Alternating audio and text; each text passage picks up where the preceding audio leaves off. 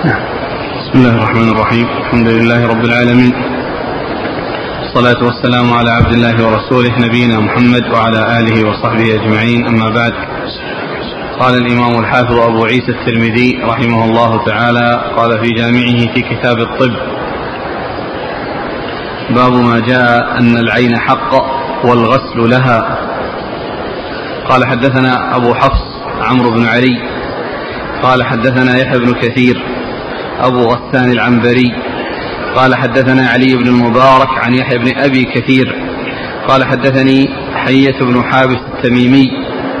قال حدثني أبي رضي الله عنه أنه سمع رسول الله صلى الله عليه وآله وسلم يقول لا شيء في الهام والعين حق.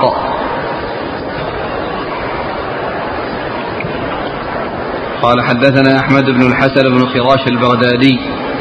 قال حدثنا أحمد بن إسحاق الحضرمي قال حدثنا وهيب عن ابن طاووس عن أبيه عن ابن عباس رضي الله عنهما أنه قال قال رسول الله صلى الله عليه وعلى آله وسلم لو كان شيء سابق القدر لسبقته العين وإذا استغسلتم فاغسلوا. قال أبو عيسى وفي الباب عن عبد الله بن عمرو رضي الله عنهما وهذا حديث حسن صحيح غريب وحديث حية بن حابس حديث غريب. وروى شيبان عن يحيى بن أبي كثير عن حية بن حابس عن أبيه. عن أبي هريرة رضي الله عنه عن النبي صلى الله عليه وآله وسلم. وعلي بن المبارك وحرب بن شداد لا يذكران فيه عن أبي هريرة. وروى وروى. وروى شيبان عن يحيى بن أبي كثير. نعم. عن حية بن حابس عن أبيه عن أبي هريرة رضي الله عنه عن النبي صلى الله عليه وآله وسلم بسم الله الرحمن الرحيم الحمد لله رب العالمين وصلى الله وسلم وبارك على عبده ورسوله نبينا محمد وعلى آله وأصحابه أجمعين. أما بعد فيقول الإمام أبو عيسى الترمذي رحمه الله باب ما جاء في أنه لا شيء في الهام وأن العين حق. الباب باب ما جاء أن العين حق والغسل لها. باب ما جاء في أن العين حق والغسل لها. آه قوله باب ما جاء أن العين حق أي أن حصول آه الضرر للشخص بإذن الله عز وجل عند نظر العائن إليه أن ذلك حق وأن وأن ذلك يحصل بقضاء الله وقدره وأن ذلك حق وواقع كما اخبر الرسول صلى الله عليه وسلم بأنه حق. فقد وجد يعني حصول ذلك كما حصل لبعض أصحابه رضي الله تعالى عنهم وأمر النبي صلى الله عليه وسلم بالاغتسال من العائن وأن يصب على النعيم. فبرئ بإذن الله عز وجل. فالعين حق وحصول الضرر للمعين بإذن الله عز وجل عند نظر العائن الحسود إليه. أن ذلك حق يعني وأنه يعني شيء له حقيقة وله وقوع وقد وقع بالفعل كما جاء في بعض الأحاديث. وكذلك الاغتسال من العائن للنعيم أيضا جاءت به السنة عن رسول الله صلى الله عليه وسلم كما في هذا الحديث وكما في الحديث الذي يعني في الصحيح في قصة سهل بن حنيف والذي حصل له من نظر أحد الصحابة إليه وأنه حصل له التضرر وأمره النبي صلى الله عليه وسلم بالاغتسال. فغسل وجهه ويديه إلى المرفقين وركبتيه ثم أمر برش أو بصبه على المعين فبرئ بإذن الله عز وجل ومشى كأن لم يكن به كأن لم يكن كأن لم يحصل له شيء. أورد أبو عيسى حديث حابس آه حابس تميمي. حابس التميمي رضي الله عنه أن النبي صلى الله عليه وسلم قال لا لا ليس لا شيء في الهام. ليس, في ليس لا شيء في الهام والعين حق. لا شيء في الهام والعين حق. والمقصود من قوله والمقصود هنا والعين حق. الذي هو مطابق للترجمة. وقوله لا شيء في الهام الهام المقصود به آه، آه، كان الجاهلية يتشاءمون في بعض الطيور وهو البومة. فإذا نزلت أو وقعت يعني آه، على بيت أحد منهم فإنهم يعني يقولون هذا أنه علامة أو إذان بحصول الضرر أو الموت لذلك الذي حصل. ويعني وهذا إحدى الاعتقادات الجاهلية. والاعتقاد الثاني أن عظام الميت أنها تكون على شكل طائر أو على هيئة طائر يعني وأنه يعني إذا نزل يعني أنه يحصل به التشاؤم وهذه من اعتقادات الجاهلية. الرسول قال ليس في الهام شيء يعني أنه يعني هذا الشيء الذي يعتقد وهذا الذي يظن أن هذا لا حقيقة له وأن الضرر وحصول الضرر بإذن الله عز وجل وليس بالتشاؤم لهذه الطيور ووقوعها على الجدران. وعلى بيوت الناس وأن ذلك يحصل به ضرر لهم فإن هذا من أعمال الجاهلية التي جاء الإسلام ببيان فسادها. وقال هنا وليس ليس في الهام شيء أي يعني أنه لا يعني آه لا آه يعتقد مثل هذه العقائد الفاسدة يعني في الهام الذي هو الطير الذي يقع فإنه يتوكل على الله عز وجل ولا يلتفت إلى هذه العادات الجاهلية التي جاء الإسلام بإبطالها والتخلص منها. آه نعم. قال حدثنا أبو حفص عمرو بن علي. عمرو بن علي هو الفلاس وهو ثقة أخرجه أصحاب كتب الستة وهو شيخ لأصحاب كتب الستة. عن يحيى بن كثير أبو غسان العنبري يحيى بن كثير أبو غسان العنبري هو ثقة أخرج أصحاب الكتب نعم عن علي بن المبارك وهو ثقة أخرج أصحاب كتب الستة. عن يحيى بن أبي كثير. وهو الإمامي ثقة أخرج أصحاب كتب الستة. عن حية بن حابس. حية بن حابس مقبول أخرج له. صار المفرد والترمذي. نعم. عن أبيه. عن أبيه حابس رضي الله عنه أخرج له. صار المفرد والترمذي. نعم.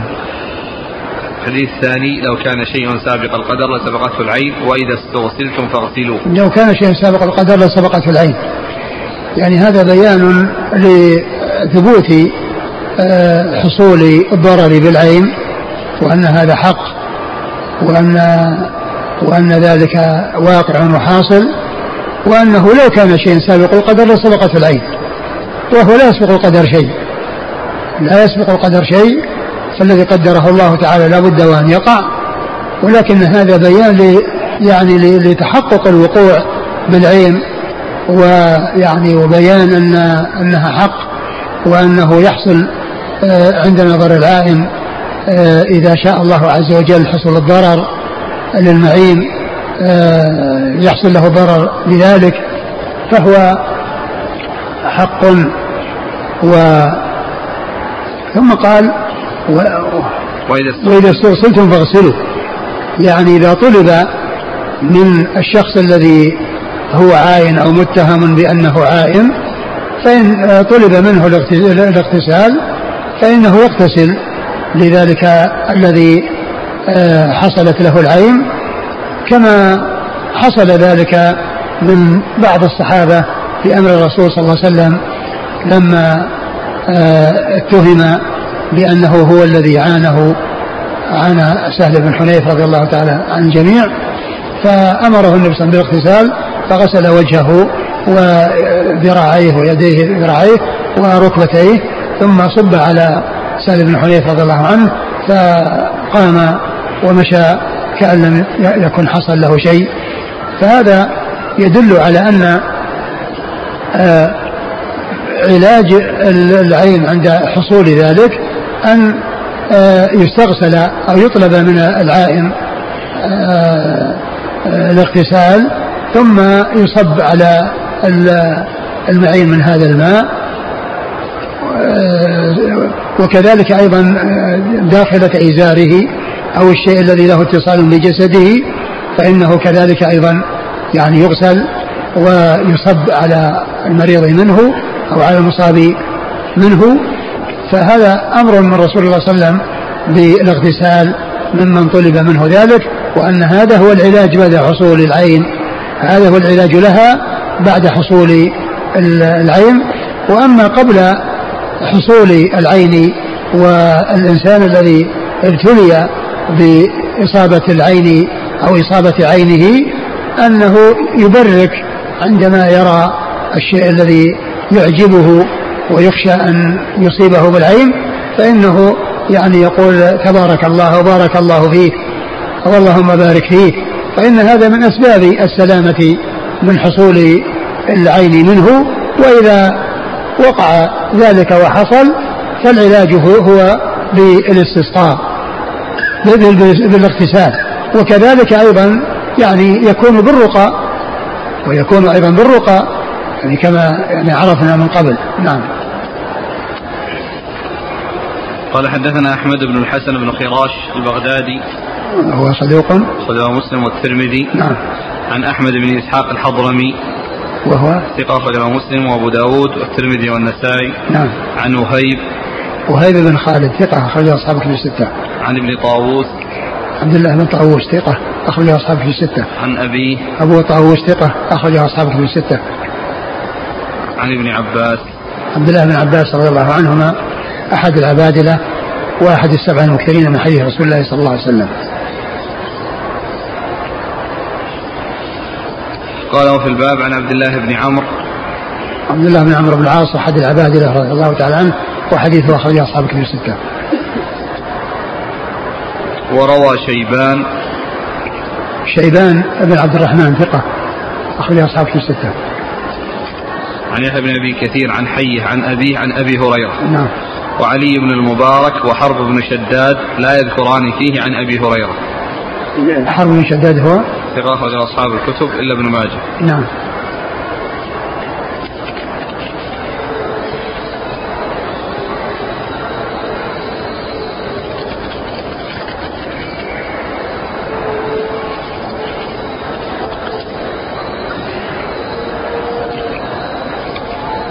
قال رحمه الله تعالى باب ما جاء في أخذ الأجر على التعويذ.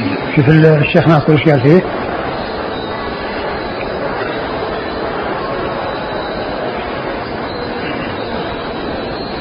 الأول قال ضعيف لكن قوله العين حق صحيح.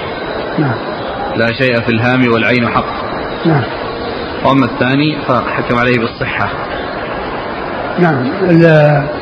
آه وقال ضعيف لعله من أجل هذا المقبول الذي في إسناده هو حية ابن حابس. نعم.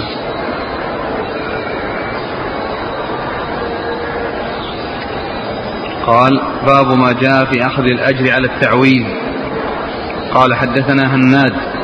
قال حدثنا أبو معاوية عن الأعمش عن جعفر بن إياس عن أبي نضرة عن أبي سعيد الخدري رضي الله عنه أنه قال بعثنا رسول الله صلى الله عليه وآله وسلم في سرية فنزلنا بقوم فسألناهم القرى فلم يقرونا فلدغ سيدهم فأتونا فقالوا هل فيكم من يرقي من العقرب؟ قلت نعم أنا ولكن لا أرقيه حتى تعطونا غنما. قال فأنا أعطيكم. قال فأنا أعطيكم ثلاثين شاة. نعم. تصلح شيء. فأنا أعطيكم؟ ثلاثين شاة. نعم. فقلنا فقرأت يعني عليه. الذي يخاطبهم. نعم. نعم. فقرأت. يقول قلت نعم أنا ولكن لا أرقيه. حتى تعطونا غنما. قال فأنا أعطيكم ثلاثين شاة. نعم. فقلنا فقرأت عليه. نعم. فقلنا فقرأت عليه. كيف النسخة الأخرى؟ قالوا فإنا نعطيكم ثلاثين شاة. فقبلنا فقرأت. قالوا فأنا قالوا إيش؟ قالوا فإنا فأنا أعطيكم فإنا مكتوب فأنا. عندي في نسخة أنا النسخة إيه، هذه نعم. فإنا فإنا نعم. بدال أعطيكم نعطيكم. نعم. ثلاثين شاة. نعم. فقبلنا. نعم. يعني بدل فقلنا. أي. نعم. فقرأت عليه الحمد لله سبع مرات. نعم. فبرأ وقبضنا الغنم. قال فعرض في أنفسنا منها شيء. فقلنا لا تعجلوا حتى تأتوا رسول الله صلى الله عليه وآله وسلم. قال فلما قدمنا عليه ذكرت له الذي صنعت. قال وما علمت أنها رقية؟ اقبضوا الغنم واضربوا لي معكم بسهم. قال أبو عيسى هذا حديث حسن. وأبو نضرة اسمه المنذر بن مالك بن قطعة. ورخص الشافعي للمعلم أن يأخذ على تعليم القرآن أجرا. ويرى له أن يشترط على ذلك واحتج بهذا الحديث. وجعفر بن إياس وجعفر بن أبي وحشية وهو أبو بشر وروى شعبة وأبو عوانة وهشام. وغير واحد عن أبي بشر هذا الحديث عن أبي المتوكل عن أبي سعيد رضي الله عنه عن النبي صلى الله عليه وآله وسلم. قال حدثنا أبو موسى محمد بن المثنى. قال حدثنا عبد الصمد بن عبد الوارث قال حدثنا شعبة قال حدثنا أبو بشر قال سمعت أبا المتوكل يحدث عن أبي سعيد رضي الله عنه أن ناسا من أصحاب النبي صلى الله عليه وآله وسلم مروا بحي من العرب فلم يقروهم ولم يضيفوهم. فاشتكى سيدهم فأتونا فقالوا هل عندكم دواء؟ قلنا نعم. ولكن لم تقرونا ولم تضيفونا فلا نفعل حتى تجعلوا لنا جعلا. فجعلوا على ذلك قطيعا من الغنم. قال فجعل رجل منا يقرأ عليه بفاتحة الكتاب فبرأ. فلما أتينا النبي صلى الله عليه وعلى آله وسلم ذكرنا ذلك له قال وما يدريك أنها رقية ولم يذكر نهيا منه. وقال كلوا. واضربوا لي معكم بسهم. قال أبو عيسى هذا حديث صحيح وهذا أصح من حديث الأعمش عن جعفر بن إياس. وهكذا روى غير واحد هذا الحديث عن أبي بشر جعفر بن إياس بن أبي جعفر بن أبي وحشية عن أبي المتوكل عن أبي سعيد وجعفر بن إياس وجعفر بن أبي وحشية. ثم قال أبو عيسى باب في أخذ الأجر على التعويذ. باب في أخذ الأجر على التعويذ يعني على الرقية يعني أخذ الأجر على الرؤية الرقية. هذا هو المقصود بالتعويذ وأورد أبو عيسى حديث أبي سعيد الخدري رضي الله عنه من الطريقين وفيه أنهم كانوا في سفر فأنهم مروا بقوم فلم يضيفوهم ولدغ سيد القوم وكانوا بحثوا عن يعني علاج فلم يحصلوا فجاءوا إلى أبي سعيد وأصحابه رضي الله عنهم وقالوا أن سيدهم لدغ وأنهم يعني هل يعني عندهم شيء فقال أبو سعيد نعم ولكن آه لا نفعل حتى تعطونا يعني شيء من الغنم يعني في مق... يعني لأنهم لم يضيفوهم فأرادوا أن يعملوا لهم هذا العمل في مقابل ولكونهم لم يضيفوهم طلبوا هذا. ولو كانوا ضيفوهم ما حصل منهم مثل هذا الطلب. لكن كما يعني جاء في الحديث السبب أنهم لم يضيفوهم فرأوا أن يأخذوا مقابل على الرقية التي تحصل منهم لسيدهم. فأعطوهم ثلاثين من الغنم وقيل إنهم كانوا ثلاثين يعني السرية يعني كانوا ثلاثين أو الأشخاص الذين كانوا معه عددهم ثلاثون ف قرأ عليه بفاتحة الكتاب فبرأ وأخذوا الغنم ولكنهم بعد ذلك ترددوا وتوقفوا وخشوا أن يكون ذلك غير سائغ. فلما جاءوا إلى الرسول صلى الله عليه وسلم وأخبروه قال وما يدريك أنها رقية؟ آه، آه، آه، خذوها أو كلوها واضربوا لي معكم بسهم. ومقصود النبي صلى الله عليه وسلم من قوله اضربوا معكم بسهم تطيب خواطرهم. ولأنهم حصل منهم التوقف فأراد أن يبين لهم أن هذا شيء لا لا يتوقف فيه وأنه لا إشكال فيه وأنه هو نفسه صلى الله عليه وسلم أراد أن يشاركهم فيه. وهذه الإرادة للمشاركة إنما هي من أجل تطيب خواطرهم لا رغبة في المال أو رغبة في الطعام وإنما هو من أجل آه، إدخال آه، آه، الأنس لهم وإدخال الطمأنينة عليهم وأن هذا الشيء الذي توقفوا فيه لا مجال للتوقف أو لا وجه للتوقف وأنه حل لهم ولا إشكال فيه. فهذا هو المقصود من قوله واضربوا لي معكم بسهم يعني اجعلوا لي نصيب من هذا من هذه الغنم أو من هذا هذه اللحوم التي من هذه الغنم اضربوا لي معكم بسهم هذا الحديث. بعثنا رسول الله صلى الله عليه وسلم في سرية فنزلنا بقوم فسألناهم القرى فلم يقرونا فلدغ سيدهم فأتونا لدغ سيدهم يعني أصابه يعني آه، من ذوات السموم يعني إما حية وإما عقرب. وقد جاء في بعض الروايات أنها عقرب. نعم. فأتونا فقالوا هل فيكم من يرقي من العقرب؟ قلت نعم أنا ولكن لا يعني نفس الحديث فيه ذكر العقرب. يرقي من العقرب يعني معناه الذي لدغه عقرب. نعم. فقلت أنا فقلت فقلت نعم أنا ولكن لا أرقيه حتى تعطونا غنما. قالوا فإنا نعطيكم ثلاثين شاة. نعم. فقبلنا فقرأت عليه الحمد لله سبع مرات فبرأ وقبضنا الغنم. قال فعرض في أنفسنا منها شيء فقلنا لا تعجلوا حتى تأتوا رسول الله صلى الله عليه وسلم. فلما قدمنا عليه ذكرت له الذي صنعت. قال وما علمت أنها رقية. اقبضوا الغنم واضربوا لي معكم بسهم. آه والحديث يدل على أن أخذ الجعل أو أخذ الأجرة على الرقية وعلى يعني التعويذ الذي هو الرقية أنه لا بأس به لأنه جاء به الحديث عن رسول الله صلى الله عليه وسلم. وهذا يعني من قبيل العلاج فهو أخذ على علاج. وقد اختلف في أخذ الأجرة على التعليم الذي هو ليس علاج. فجمهور أهل العلم قالوا بالجواز. وأنه لا بأس بذلك وأن هذا مثل أخذ الأجرة على الرقية. لا فرق بين هذا وهذا وأنه لا بأس به.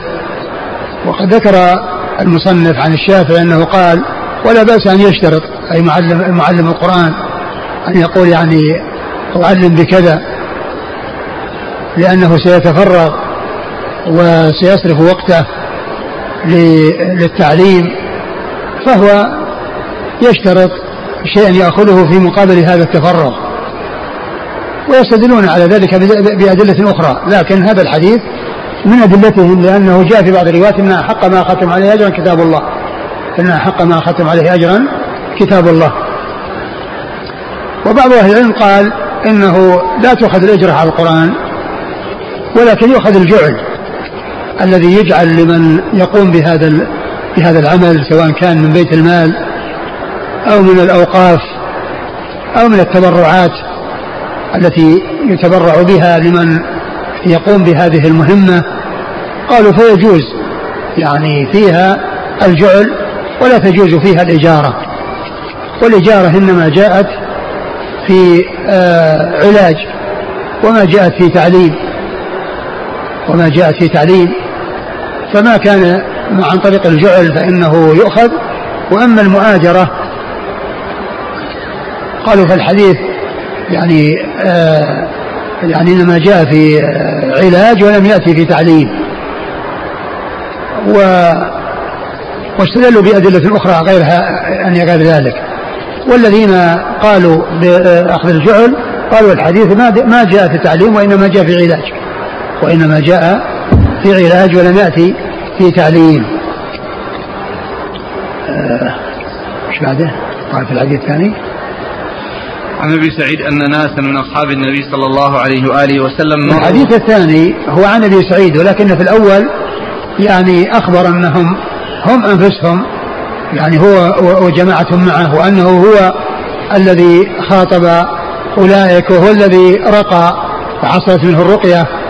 وأما في الحديث الثاني فإنه يعني حكى ذلك وأبهم الذين يعني آه الذي حصل منه الرقية وهو هو كما جاء في الحديث الأول. ومن المعلوم أن آه، بعض الرواة يعني في في الأحاديث لا يسمي نفسه فيبهم نفسه فيقول عن نفسه إذا كان الذي حصل منه قال رجل أو فعل رجل كذا كذا وهو نفسه الذي فعل.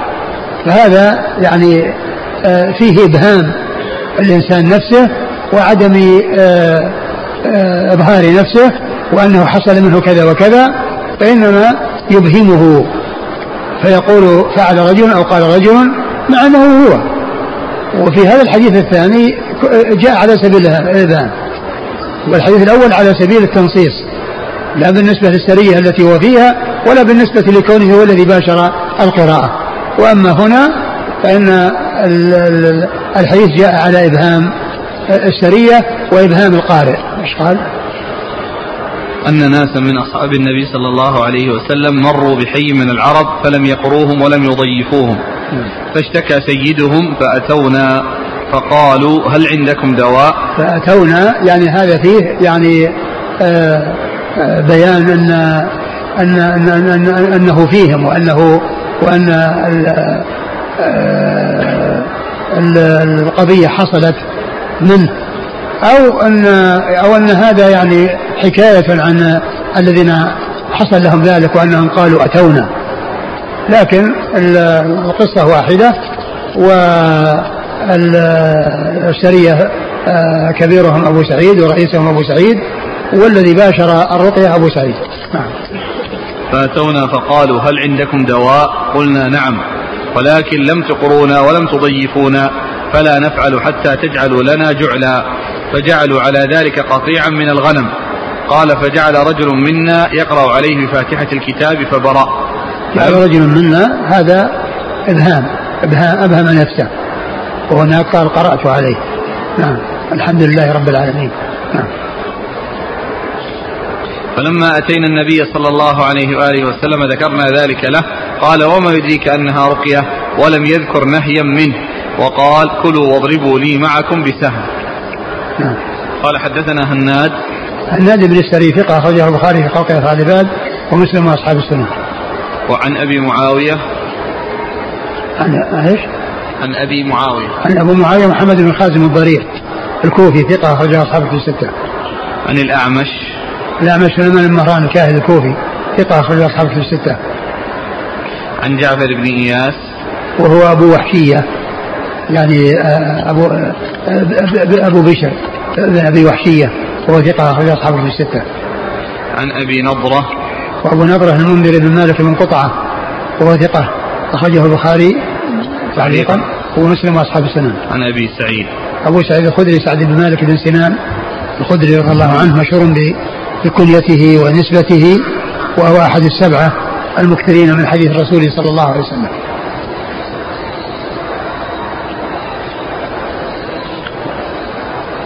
ورخص الشافعي للمعلم أن يأخذ على تعليم القرآن أجرا ويرى له أن يشترط على ذلك نعم. وروى شعبة وأبو عوانة وهشام شعبة بن الحجاج الواسطي ثقة أخرج أصحابه في الستة وأبو عوانة الوضاح بن عبد الله اليشكري ثقة أخرج أصحابه في الستة. وهشام هو؟ ما وجدت من تعيينه. وليس من تلاميذه. نعم نعم. أبي وحشي. في هشيم من تلاميذه. ذكر المزي هشيم ولم يذكر هشاما. ونسخة الشرح ما فيها هشام. ما فيها هشام؟ هشام وقعت في النسخة هذه و... ساقطة يعني ماذا توجد؟ لا وجود لها؟ لا في نسخة الشرح فقط. إيه لا وجود لها؟ لا. نعم. قال آه وغير واحد عن أبي بشر هذا الحديث عن أبي المتوكل. أبو المتوكل الناجي هو؟ علي بن داود ثقة أخرج أصحاب الكتب. نعم. قال حدثنا أبو موسى محمد بن المثنى. هو الزمن العنزي وهو ثقة أخرج له أصحاب الكتب الستة وهو شيخ لأصحاب الكتب الستة وهو مشهور بكنيته أبو موسى. ولهذا الحافظ بن حجر في في تهذيب التهذيب. إذا ذكر الشيوخ والتلاميذ إذا كان فيهم آه، محمد المثنى يقول أبو موسى. فلان وأبو موسى. نعم. عن عبد الصمد بن عبد الوارث. وهو؟ صدوق ثبت في شعبة أخرج أصحاب الكتب. نعم. عن شعبة عن أبي بشر عن أبي المتوكل عن أبي سعيد. أبو المتوكل إيش قال فيه؟ متوكل الناجي علي نعم. بن داود. نعم نعم. ثقة أخرج أصحاب الكتب الستة نعم. القوم الذين مروا بهم وهذا الرجل كان مسلم أو كافر؟ ما أدري. آه، في الحديث الأول أنه قرأ الحمد لله سبع مرات. نعم. هل اجتهاد أو فيه نص أن الفاتحة تقرأ في الركعة سبع مرات؟ والله يعني آه، ما ندري لكن يعني آه، لأن القضية أصل الرقية كلها يعني لما الرسول قال ما ادري كانها رقية. يعني معناه أن هذا شيء حصل منه.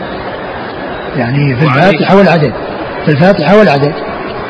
صار الإقرار على السبع فتصبح سنة في الركن نعم. سبعا. هو هذا. الرسول أقر.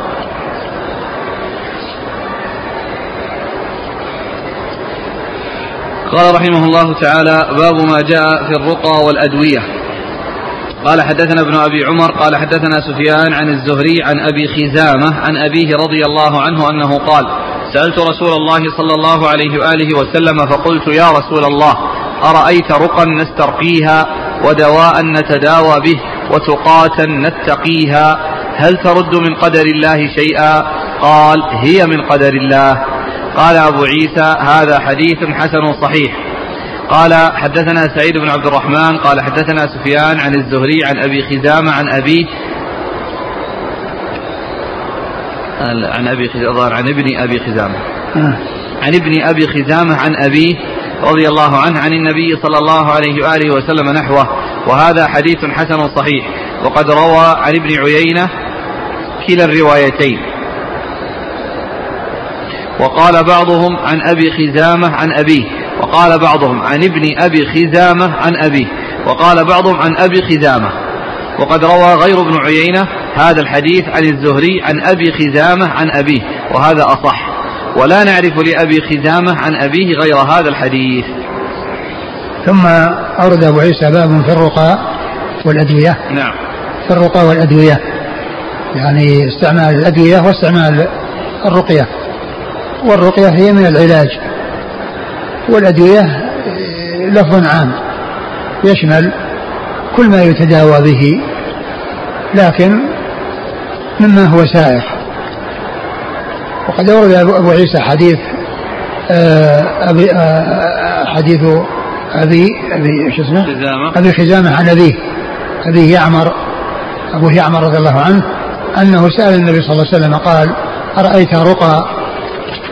أرأيت رقى؟ نسترقيها. نسترقيها وأدوية. نتداوى بها. نتداوى بها وتقاتا وتقاتا نتقيها. أترد من قدر الله شيئا؟ قال هي من قدر الله. قال هي من قدر الله. يعني أن أن هذه الأسباب هذه الأسباب لا ترد من قدر الله شيئا. وهي من قدر الله. والله عز وجل هو الذي قدر الأسباب وقدر المسببات. قدر الأسباب وقدر المسببات. و, و ويكون مما قدره الله عز وجل حصول مسبب وحصول سبب قبل ذلك قدره الله عز وجل. فيكون الله عز وجل قدر السبب وقدر المسبب. والأسباب لا تقول يعني قال هل ترد من قال لا ترد قال هي من قدر الله. يعني لا ترد قدر الله وهي من قدر الله. لأن الأسباب هي من قدر الله والرقى والعلاج هي أسباب.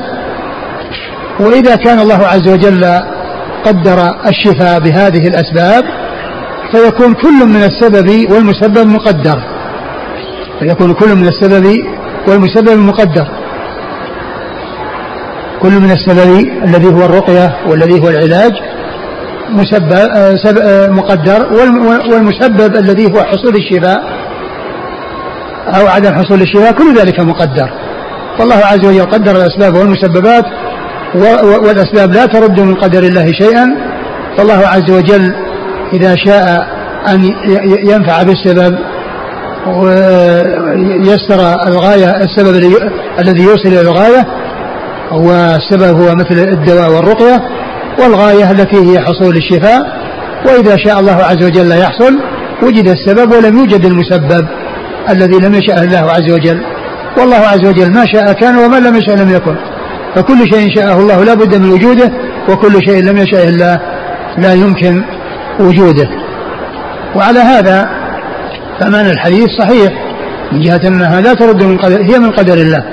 ولهذا جاء عمر رضي الله عنه في لما ذهب إلى الشام ولقيه أبو عبيدة وأمراء الأجناد وكان الطاعون وقع في الشام. ولم يكن هناك عندهم سنة عن رسول الله صلى الله عليه وسلم في حكم الدخول على الطاعون فاختلف الصحابة رضي الله عنهم في ذلك فمنهم من قال ادخل ولا ترجع ولا تفر من قدر الله. ادخل على البلد اللي فيه الطاعون ولا تفر من قدر الله. ومن ومن هؤلاء أبو عبيدة رضي الله عنه. وبعضهم قال لا تعرض أصحاب رسول الله صلى الله عليه وسلم للموت فتدخلهم على الطاعون. فتعرضهم للفناء فعمر رضي الله عنه ليس عنده سنة عن رسول الله صلى الله عليه وسلم في ذلك. فاستشار المهاجرين على حدة وانقسموا. منهم يقول ادخل ومنهم يقول ارجع. واستشار الأنصار بعدهم على حدة وانقسموا قسمين. منهم يقول ادخل ومنهم يقول ارجع. ثم استشار مسلمة الفتح فكان رأيهم أنه يرجع. ثم إنه اجتهد وقرر أن يرجع وقال إني مصبح على ظهر. فكان أبو عبيدة رضي الله عنه قال أتفر من قدر الله يا أمير المؤمنين؟ قال لو غيرك. قال يا أبا عبيدة نفر من قدر الله إلى قدر الله. لأن هذا سبب وهذا سبب يعني كون ندخل يعني هذا سبب وهو مقدر إذا فعلناه وإذا يعني لم نفعل فنحن يعني أخذنا بالسبب الذي هو عدم الدخول على الطاعون وكل ذلك بقدر وكل ذلك بقضاء الله وقدره. إذا الرقى لا, لا ترد من قدر الله شيئا وهي من قدر الله. فإن شاء الله عز وجل أن يترتب المسبب على السبب حصل هذا وهذا وإن شاء الله عز وجل أن لا يحصل المسبب وجد السبب ولم يوجد المسبب. نعم. والحديث في إسناده أبو أبو خزامة. أبو خزامة وهو مجهول. فالحديث ضعيف من حيث الإسناد. نعم قال حدثنا ابن أبي عمر هو العدني محمد بن يحيى المكي وهو ثقة أخرجه وهو صدوق أخرجه مسلم والترمذي والنسائي وابن ماجه. عن سفيان وسفيان هو بن عيينة المكي ثقة أخرجه أصحاب كتب الستة. عن الزهري الزهري محمد بن مسلم بن عبيد الله بن شهاب الزهري ثقة أخرجه أصحاب كتب الستة. عن أبي خزامة أبي خزامة مجهول أخرج له أبو داود في القدر والترمذي وابن ماجه. أبو داود في القدر والترمذي وابن ماجه. عن أبيه عن أبيه وهو يعمر رضي الله عنه أخرجه أبو داود في القدر أخرجه الترمذي. أبو داود في القدر وابن ماجه. أبو داود في القدر والترمذي وابن ماجه. نعم. قال حدثنا سعيد بن عبد الرحمن سعيد بن عبد الرحمن المخزومي ثقة أخرج له الترمذي والنسائي عن سفيان عن الزهري عن ابن أبي خزامة عن أبيه عن ابن أبي خزامة عن أبيه يعني هذا يعني يعني الصواب هو أبو خزامة عن أبيه. يعني قوله ابن أبي خزامة عن أبيه يصير أبو خزامة هو هو الصحابي. ابن أبي خزامة عن أبيه يصير أبو خزامة هو الصحابي. والصحابي وأبو خزامة ليس صحابيا وإنما هو مجهول وأبوه هو الصحابي الذي هو يعمر. فالصواب والصحيح أن أنه أبو خزامة عن أبيه وليس ابن أبي خزامة عن أبيه.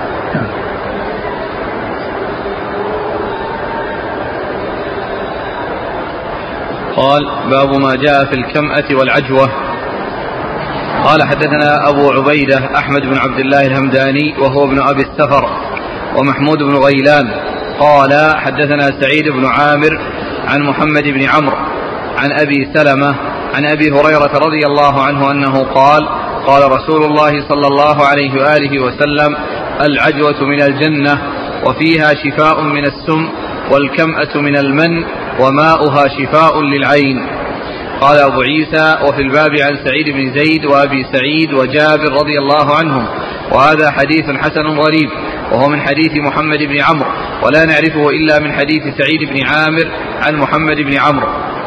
قال حدثنا أبو كريب قال حدثنا عمر بن عبيد الطنافسي عن عبد الملك بن عمير قال حدثنا محمد بن المثنى قال حدثنا محمد بن جعفر قال حدثنا شعبة عن عبد الملك بن عمير عن عمرو بن حريث رضي الله عنه عن سعيد بن زيد رضي الله عنه عن النبي صلى الله عليه وآله وسلم أنه قال الكمأة من المن وماؤها شفاء للعين.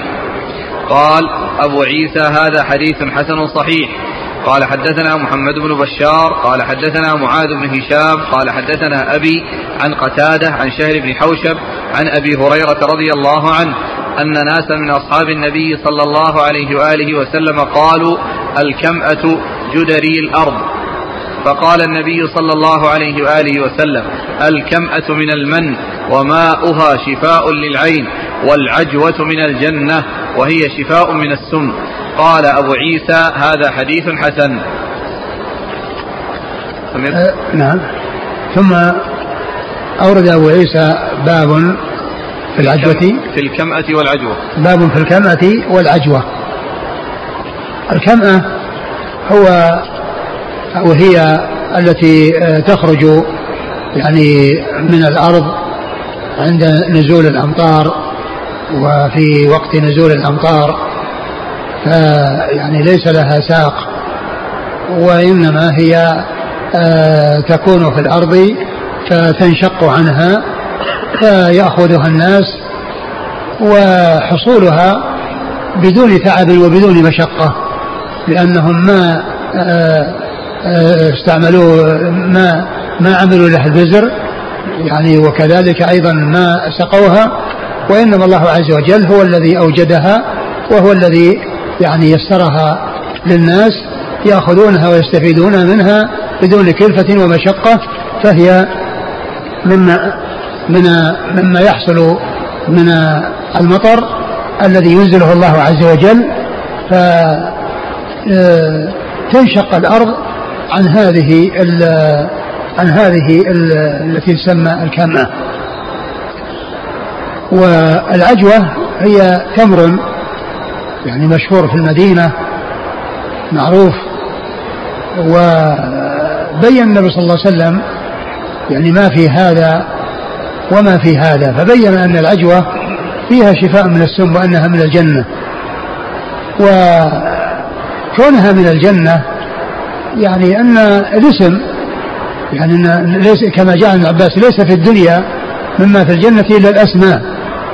فإذا ذكر الرمان وذكر العنب وذكر يعني كذا فليس معنى ذلك أن الذي في الجنة هو مثل الذي في الدنيا بل الذي فيه هو الأسنان وأما, وأما الطعم واللذة والاستمتاع فإن ما كان في الآخرة وما كان في الجنة يختلف عما في الدنيا. ولهذا جاء في قصة صلاة الكسوف لما صلى النبي صلى الله عليه وسلم الكسوف عرضت عليه الجنة وعرضت عليه النار.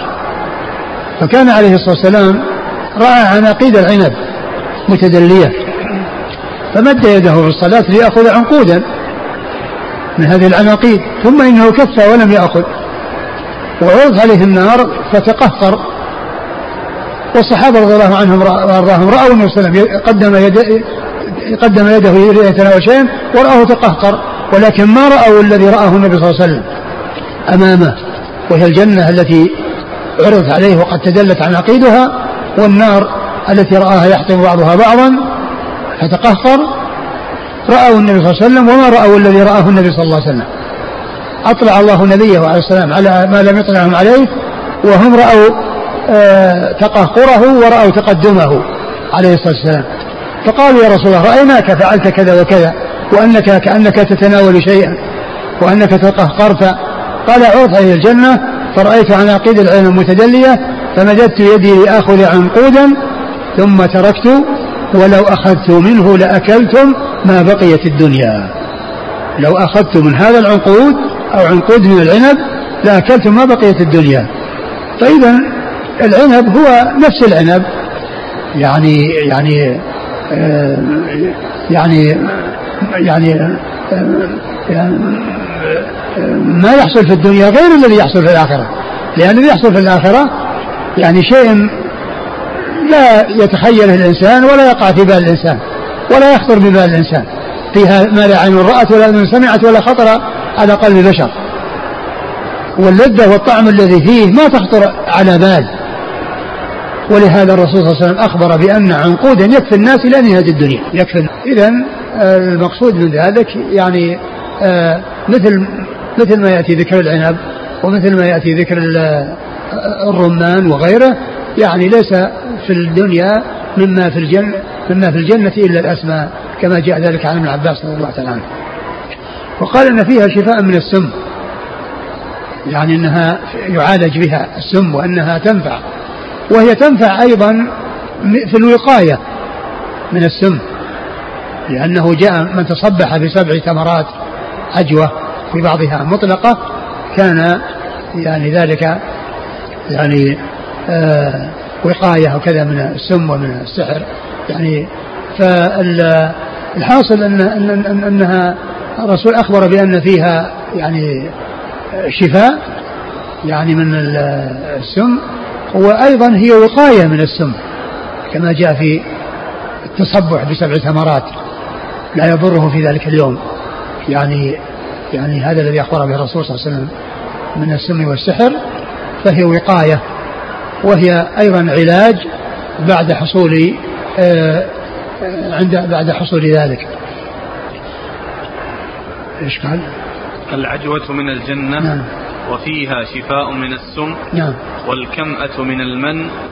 والكمأة من المن الذي أنزله الله عز وجل على بني إسرائيل وهي أنزل الله الماء فأخرجها من الأرض بدون تعب وبدون نصب وبدون مشقة آه وفيها شفاء للعين يعني ماؤها أي ماء الكمأة شفاء للعين. نعم. الحديث الأخير أن ناس من أصحاب النبي صلى الله عليه وسلم قالوا الكمأة جدري الأرض. نعم قالوا جدري الأرض. المقصود بالجدري هو الذي يظهر ويطفح على جسم الإنسان يعني الذي أصابه الجدري وهو يعني آه، مرض وشيء يعني يخرج يعني آه، يعني آه، يعني يبرز ويطفح على الجسد. وهو يعني فقالوا إن الجدري هو إن كما هي جدري الأرض. يعني كما أن الجدري يكون بالأجساد فهذه الكما هي جدري الأرض.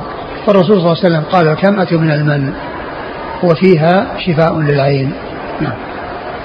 قال حدثنا أبو عبيدة أحمد بن عبد الله الهمداني هو ابن أبي السفر. نعم. صدوق يهم أخرجه الترمذي والنسائي بن ماجه. نعم. ومحمود بن غيلان.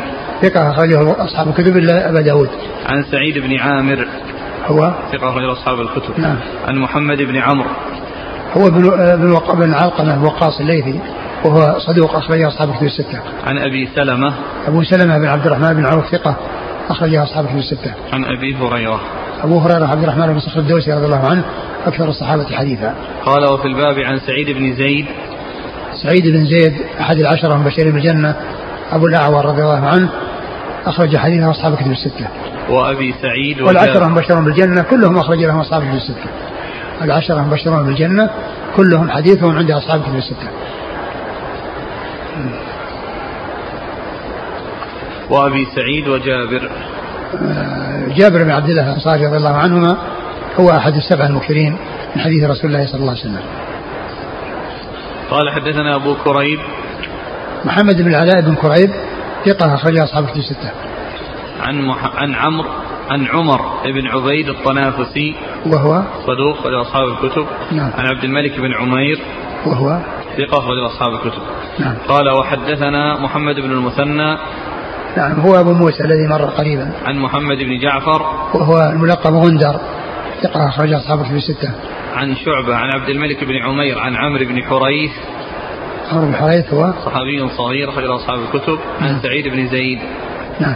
قال حدثنا محمد بن بشار. هو الملقب بن دار. ثقة أخرج أصحابه في الستة وهو شيخ أصحابه في الستة. عن معاذ بن هشام. وهو صدوق. ربما وهم أخرجه أصحاب الكتب. نعم. عن أبيه. هشام بن أبي عبد الله الدستوائي ثقة أخرجه أصحاب كتب الستة. عن قتادة. قتادة من دعامة السدوسي البصري ثقة أخرجه أصحاب كتب الستة. عن شهر بن حوشب. وهو صدوق كثير. والإرسال والأوهام. نعم. أخرجه البخاري في المفرد ومسلم وأصحاب السنن. نعم. عن أبي هريرة. نعم. قال حدثنا محمد بن بشار قال حدثنا معاذ قال حدثنا أبي عن قتادة قال حدثت أن أبا هريرة رضي الله عنه قال أخذت ثلاثة أكمؤ أو خمسا أو سبعا فعصرتهن فجعلت ماءهن في قارورة فكحلت به جارية لي فبرأت. ثم ذكر هذا الأثر عن أبي هريرة أنه استعمل الكمأة في آه، الاستشفاء من آه، العين وجع العين فحصل الشفاء لتلك الجارية التي قطر في يعني عينها من ماء الكمأة وهذا الأثر فيه انقطاع بين قتادة وأبي هريرة لأنه يقول حدثت حدثت نعم فهو فهو منقطع وهو أيضا موقوف على أبي هريرة رضي الله عنه. نعم.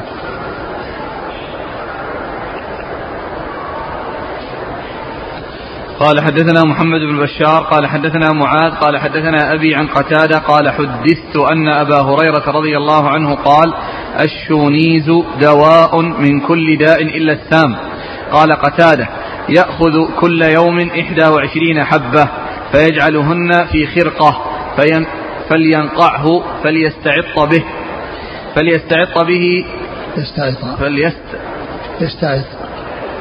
فليت فيتسعط فيتسعط به كل يوم في منخره الأيمن قطرتين وفي الأيسر قطرة والثاني في الأيسر قطرتين وفي الأيمن قطرة والثالث في الأيمن قطرتين وفي الأيسر قطرة. ثم أورد أبو عيسى هذا الأثر عن أبي هريرة. هنا نعم. نعم. الشونيز. قال الشونيز وهو الحبة السوداء كما سبق أن مر في الدرس الماضي. شفاء من كل داء إلا السام. وقد جاء عن النبي صلى الله عليه وسلم الحديث في هذا الحبة السوداء شفاء من كل داء إلا الموت. نعم. والشونيز هو الحبة السوداء التي يقال لها الآن حبة البركة. تسمى في بعض البلاد السميرة. نعم. قال قتادة يأخذ كل يوم إحدى وعشرين حبة فيجعلهن في خرقة فلينقعه فيتسعط به. وهذا كلام لقتادة. يعني أنه يكون يعني آآ آه، آآ آه، يعني يجعل في آه، يجعل منها يعني مقدار في خرقة ويبلها وثم بعد ذلك يجعل في منخر يعني كذا والمنخر الثاني أقل ثم المرة الثانية بالعكس وهكذا. وهذا الذي قاله قاله قتادة يعني هذا من كلامه لكن سبق أن مر عند الشارح أنه قال أو نقل عن الحافظ بن حجر أن في هذا حديثا عن رسول الله صلى الله عليه وسلم ذكره عند المستغفرين. نعم تقدم عند الحبة السوداء. شوف نفس الكلام هذا.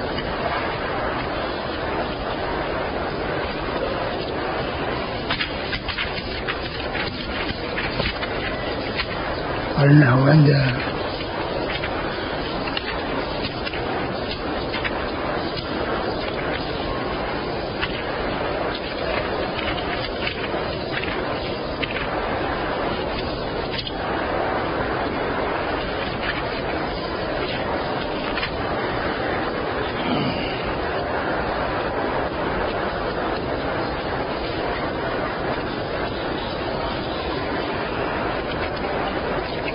يقول آه، حديث بريدة أخرجه ابو نعيم في الطب وأخرج المستغفري في كتاب الطب عنه. عن النبي صلى الله عليه وآله وسلم إن هذه الحبة السوداء فيها شفاء. قال وفي لفظ قيل وما الحبة السوداء؟ قال الشونيز. قال وكيف أصنع بها؟ قال تأخذ إحدى وعشرين حبة فتصرها في خرقة. تصرها. تصرها في خرقة ثم تضعها في ماء ليلة. في ماء ليلة. في ماء ليلة. فإذا أصبحت قطرت في المنخر الأيمن واحدة وفي الأيسر اثنتين. فإذا كان من الغد قطرت في المنخر الأيمن اثنتين وفي الأيسر واحدة. فإذا كان في اليوم الثالث قطرت في الأيمن واحدة وفي الأيسر اثنتين. كذا في فتح الباري. إيه، ولا يعني أقول ما ذكر لنا شيئا عنه وعن صحته. نعم.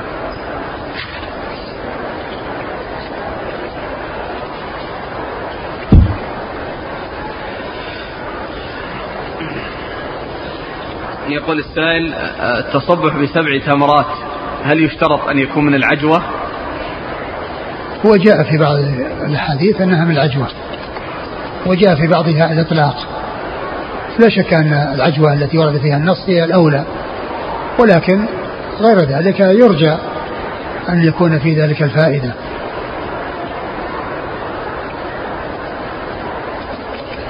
يقول الأخ فائدة في كيفية استخراج الماء من الكمأة. من كلام الشيخ ابن عثيمين يقول رحمه الله أنها تشوى على النار ثم يستخرج منها الماء. أيوة. ما نفسي.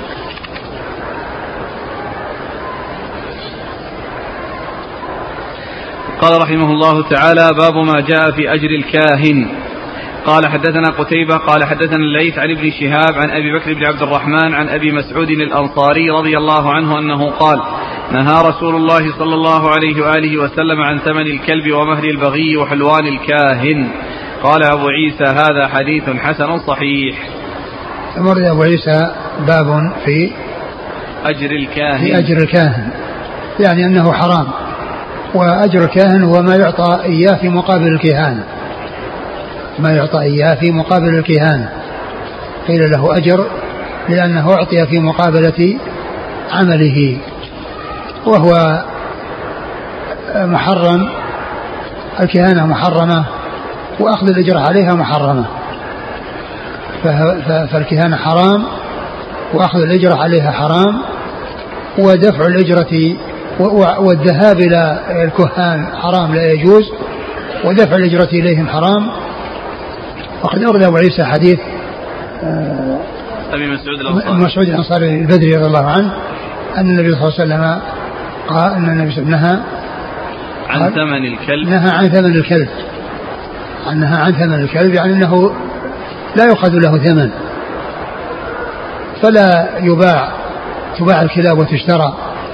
وإنما يجوز استعمالها في حدود ما ورد به الشرع. في الأمور الثلاثة التي هي للصيد والحرث والماشية وما عدا ذلك فإنه لا يجوز استعمالها ومن احتاج إليها استعملها في حدود ما أذن فيه ومن استغنى عنها تركها أو أعطاها لمن هو بحاجة إليها لكن لا يأخذ عليها ثمنا لأن آه، الرسول نهى عن ذلك وقال ثمن الكلب خبيث. قال نهى الرسول صلى الله عليه وسلم. نهى النبي صلى الله عليه وسلم عن ثمن الكلب. نهى الرسول عن ثمن الكلب. يعني ف يعني لا يجوز أن تباع الكلاب وتشترى. وجاء في بعض الأحاديث أنه وصفها بأنه خبيث. ثمن الكلب خبيث. و ومهر البغي. ومهر البغي. وهي ما تعطاه الزانية. يعني من أجل زناها. فإن ذلك أيضا حرام لأن الزنا حرام ودفع الشيء من أجله حرام. وحلوان الكاهن وهو ما يعطاه في مقابل كهانته حرام لأن الكهانة حرام وما يعطاه في مقابل الكهانة حرام. نعم. قال حدثنا قتيبة. قتيبة بن سعيد ثقة أخرج أصحابه في الستة. عن الليث الليث بن سعد المصري ثقة أخرج أصحابه في الستة. عن ابن شهاب. نعم مر ذكره. عن أبي بكر بن عبد الرحمن. أبو بكر بن عبد الرحمن بن الحارث بن هشام وهو ثقة أخرجه أصحابه في الستة. وهو أحد فقهاء المدينة السبعة في عصر التابعين على أحد الأقوال الثلاثة في السابع منهم. لأن فقهاء المدينة السبعة ستة متفق على عدهم في في في, في الفقهاء السبعة وواحد والسابع مختلف فيه على ثلاثة أقوال. والذين اتفق على عدهم هم أبو سعيد المسيب وعروة بن الزبير بن العوام والقاسم بن محمد وسليمان بن بن, بن يسار وخارجة بن زيد بن ثابت. آه، آه، عبيد الله. وعبيد الله بن عبد الله بن عثمان مسعود. هؤلاء ستة متفق على عده والسابع فيه ثلاث أقوال.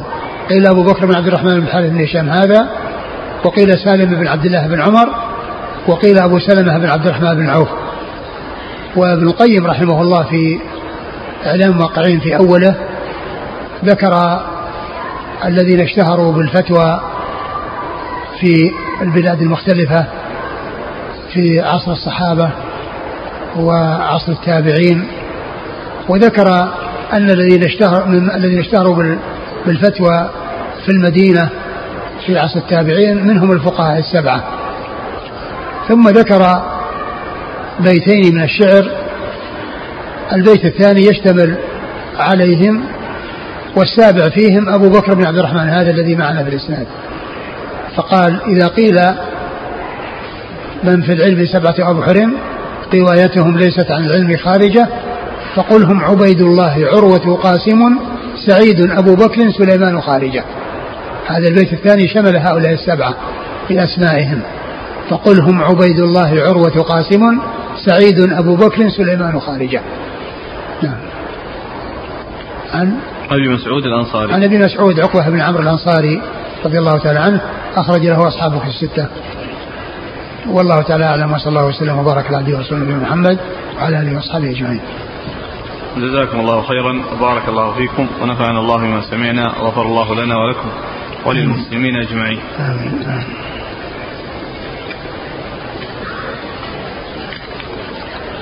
يقول السائل هل تقع العين من الرجل الصالح بغير قصد وذلك إن أبدى تعجبه ولم يذكر الله نعم تقع أقول تقع يعني من الصالح وغير الصالح يعني وقعت من الصحابة وهم أصلح الناس وخير الناس هل للرجل أن يتهم من غلب على ظنه أنه أصابه بالعين؟ نعم. ويعني وإذا طلب منه فعليه أنه يستغسل يغتسل له. ما علامات الإصابة بالعين؟ آه، أنا لا أعلم يعني يعني علاماتها. أقول لا أعلم لها علامات لا أعلم. يقول فضيلة الشيخ عندنا قد تصاب المرأة أو الرجل بشيء مكروه ولا يعرف العائن فترسل تلك المرأة إلى جميع البيوت تطلب منهم الغسل والوضوء لها مع عدم معرفتها بالعائن. فما حكم ذلك؟ والله هذا ما ينبغي يعني كل الناس يعني كلهم يغتسلون. يعني معنى هذا أن أن أنهم دائما في اغتسال. يعني كل من مرض راحوا يعني يطلبون الاغتسال من جميع البيوت. يقول كثيرا ما نسأل عن كيفية تأثير العين لأن من المعروف أن الساحر يؤثر بطريق الجن فكيف يكون تأثير العين؟ إيش؟ إيش؟ كثيرا ما نسأل آه. عن كيفية تأثير العين آه. لأن من المعروف أن الساحر يؤثر عن طريق الجن. لكن كيف يكون تأثير العين؟ أبد هذا شيء بإذن الله. يعني مرض وضرر يحصل للمعين عند نظر العائن إليه بإذن الله عز وجل يحصل هذا الشيء. كيف يكون الغسل لها وبأي شيء يكون؟ آه ابن القيم رحمه الله ذكر يعني كلاما في يعني جيد في هذا. نقرأه.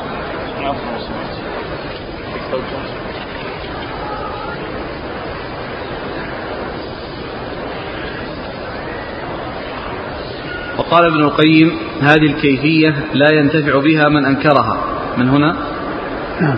ولا من سخر منها ولا من شك فيها أو فعلها مجربا غير معتقد. وإذا كان في الطبيعة خواص لا يعرف الأطباء عللها البتة بل هي عندهم خارجة عن القياس وإنما تفعل بالخاصية فما الذي ينكره زنادقتهم وجهالتهم من الخواص الشرعية؟ هذا مع أن في المعالجة بهذا الاسترسال مناسبة. لا تأباها العقول الصحيحة. فهذا ترياق سم الحية يؤخذ من لحمها وهذا علاج النفس الغضبية توضع اليد على بدن الغضبان فيسكن. فكأن أثر تلك العين كشعلة نار وقعت على جسد ففي الاغتسال إطفاء لتلك الشعلة. ثم لما كانت هذه الكيفية الخبيثة تظهر في المواضع الرقيقة من الجسد لشدة النفوذ فيها ولا شيء أرق من المغابن فكان في غسلها إبطال لعملها. ولا سيما أن للأرواح الشيطانية في تلك المواضع اختصاصا وفيه أيضا وصول أثر الغسل إلى القلب من أرق المواضع وأسرعها نفاذا فتنطفئ تلك النار التي أثارتها العين بهذا الماء وهذا الغسل المأمور به ينفع بعد استحكام النظرة فأما عند الإصابة وقبل الاستحكام قد أرشد الشارع إلى ما يدفعه بقوله في قصة سهل بن حنيف المذكور كما مضى ألا بركت عليه. وفي رواية ابن ماجه فليدعو بالبركة. ومثله عند ابن السني من حديث عامر بن ربيعة وأخرجه البزار بن السني من حديث أنس رفعه من رأى شيئا فأعجبه فقال ما شاء الله لا قو ولا قوة إلا بالله لم يضره. انتهى؟ أي فتكون الغسل في المغابن. أين المغابن يعني يعني اللي من داخل يعني هذا اللي بين هذا اللي داخل الركبة اللي تحت الركبة. يقول الأمر بالاغتسال للوجوب. من ذكر من ذكر الشارح في كلام العلماء. قال منهم من قال إنه للوجوب.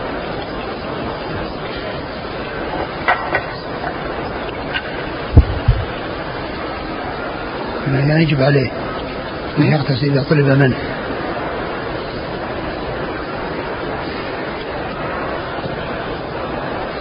يقول السائل إذا رأى أحد ما يعجبه هل يكفي أن يقول ما شاء الله أم يشترط التبريك يشترط التبريك؟ الذي ينبغي هو التبريك لأنه هو الذي جاء عن رسول الله صلى الله عليه وسلم في قصة سهل بن حنيف.